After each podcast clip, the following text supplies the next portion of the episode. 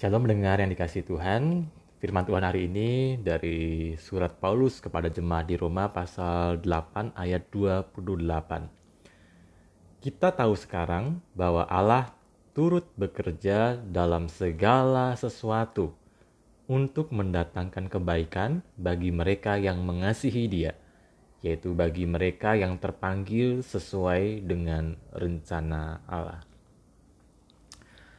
Kisah ada seorang pengusaha yang sempat mengamati keuntungan besar yang didapatkan oleh pengusaha-pengusaha serat yang menanam ilalang sebagai bahan serat untuk karung goni. Lalu pengusaha tadi ketika ia mengunjungi India, dipelajarinya teknologi untuk menumbuhkan ilalang tadi. Sepulangnya ke Indonesia, ia mengupayakan agar ilalang tadi dapat ditumbuhkan di ladangnya. Dalam jangka waktu yang pendek, maka ladang sebesar 10 hektar itu dipenuhi oleh tanaman yang siap panen. Alangkah terkejutnya sang pengusaha. Ternyata tanamannya tidak sekuat tanaman yang dilihatnya di India. Serat-serat yang dipintalnya lebih mudah putus. Kenapa hal ini terjadi? Demikianlah ia bertanya-tanya dalam hatinya. Berulang kali ia mengganti jenis ilalang yang dibudaya, dibudidayakannya. Namun terus-menerus pula ia gagal. Pada akhirnya ia mengundang salah seorang petani India untuk datang ke Indonesia dan memberikan masukan pada masalahnya. Setelah melihat ladangnya, sang petani tersenyum. Persoalannya mudah sekali, katanya. Tanaman Anda kurang menderita. Tanah Anda sudah digarap dan halus Air selalu siap, tidak ada kerikil dan pohon lain untuk dihadapi.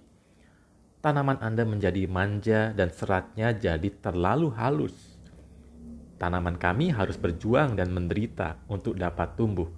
Tanahnya gersang, penuh dengan duri dan batu-batu kasar.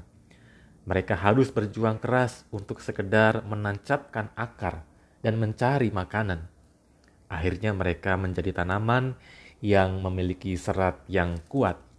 Jadi, jangan kurangi penderitaan tanaman Anda.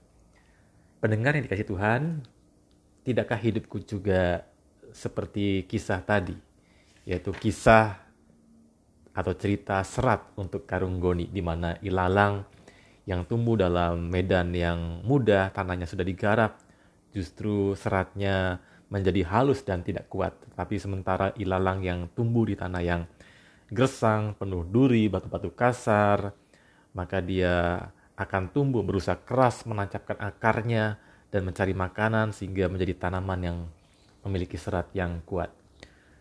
Maka di sini kita bisa maknai bahwa penderitaan adalah sebagai faktor pendorong yang hebat untuk menghasilkan kekuatan dan ketegaran.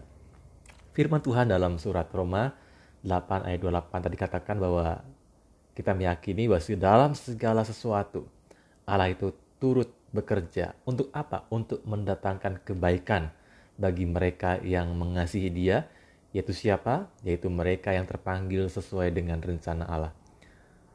Pendengar yang dikasih Tuhan sering kali ketika kita menghadapi penderitaan, kita menganggap bahwa semata-mata adalah buruk, tidak ada sesuatu yang baik kita memandang bahwa penderitaan adalah bagaimana membuat bisa kita membuat putus asa, kehilangan harapan, dan juga bisa jadi orang yang dalam penderitaan dia menyalahkan, entah menyalahkan orang lain, menyalahkan keadaan, bahkan menyalahkan diri dan mungkin juga Tuhan.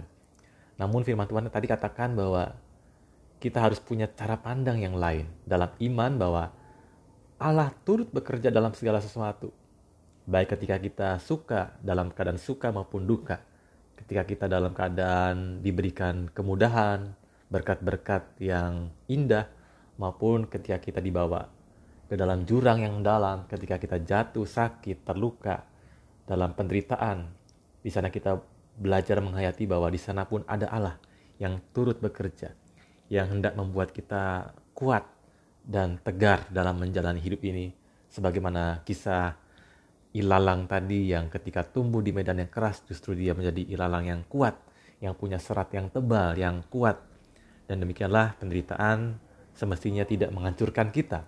sebagai orang-orang yang percaya, tetapi penderitaan justru membawa kita semakin dekat kepada Tuhan, semakin bergantung pada Tuhan, dan juga semakin memurnikan iman kita kepada Tuhan. Amin. Kita berdoa. Kami bersyukur Tuhan untuk firman Tuhan hari ini. Dan ketika kami dibawa ke dalam pengalaman penderitaan, entah itu karena sakit penyakit, atau karena kehilangan, atau karena kerugian, atau kecewa, ajar kami untuk melihat, memaknai semua itu tidak dari kacamata dunia, semata-mata melihat hal yang buruk dan tidak ada sesuatu yang baik dalamnya. Tapi firman Tuhan hari ini mengajarkan bahwa di dalam segala sesuatu, dalam setiap peristiwa kehidupan yang kami jalani dan kami alami, ada Tuhan di sana yang turut bekerja, yang turut membentuk kami, agar kami boleh menjadi anak-anak Tuhan yang tidak mudah patah, atau anak Tuhan yang tidak cengeng, tetapi anak Tuhan yang kuat, yang tegar, yang juga dapat memberikan dukungan, kekuatan bagi orang-orang lain yang juga sedang dalam keadaan menderita. Terima kasih Tuhan, dalam Tuhan Yesus kami berdoa. Amin.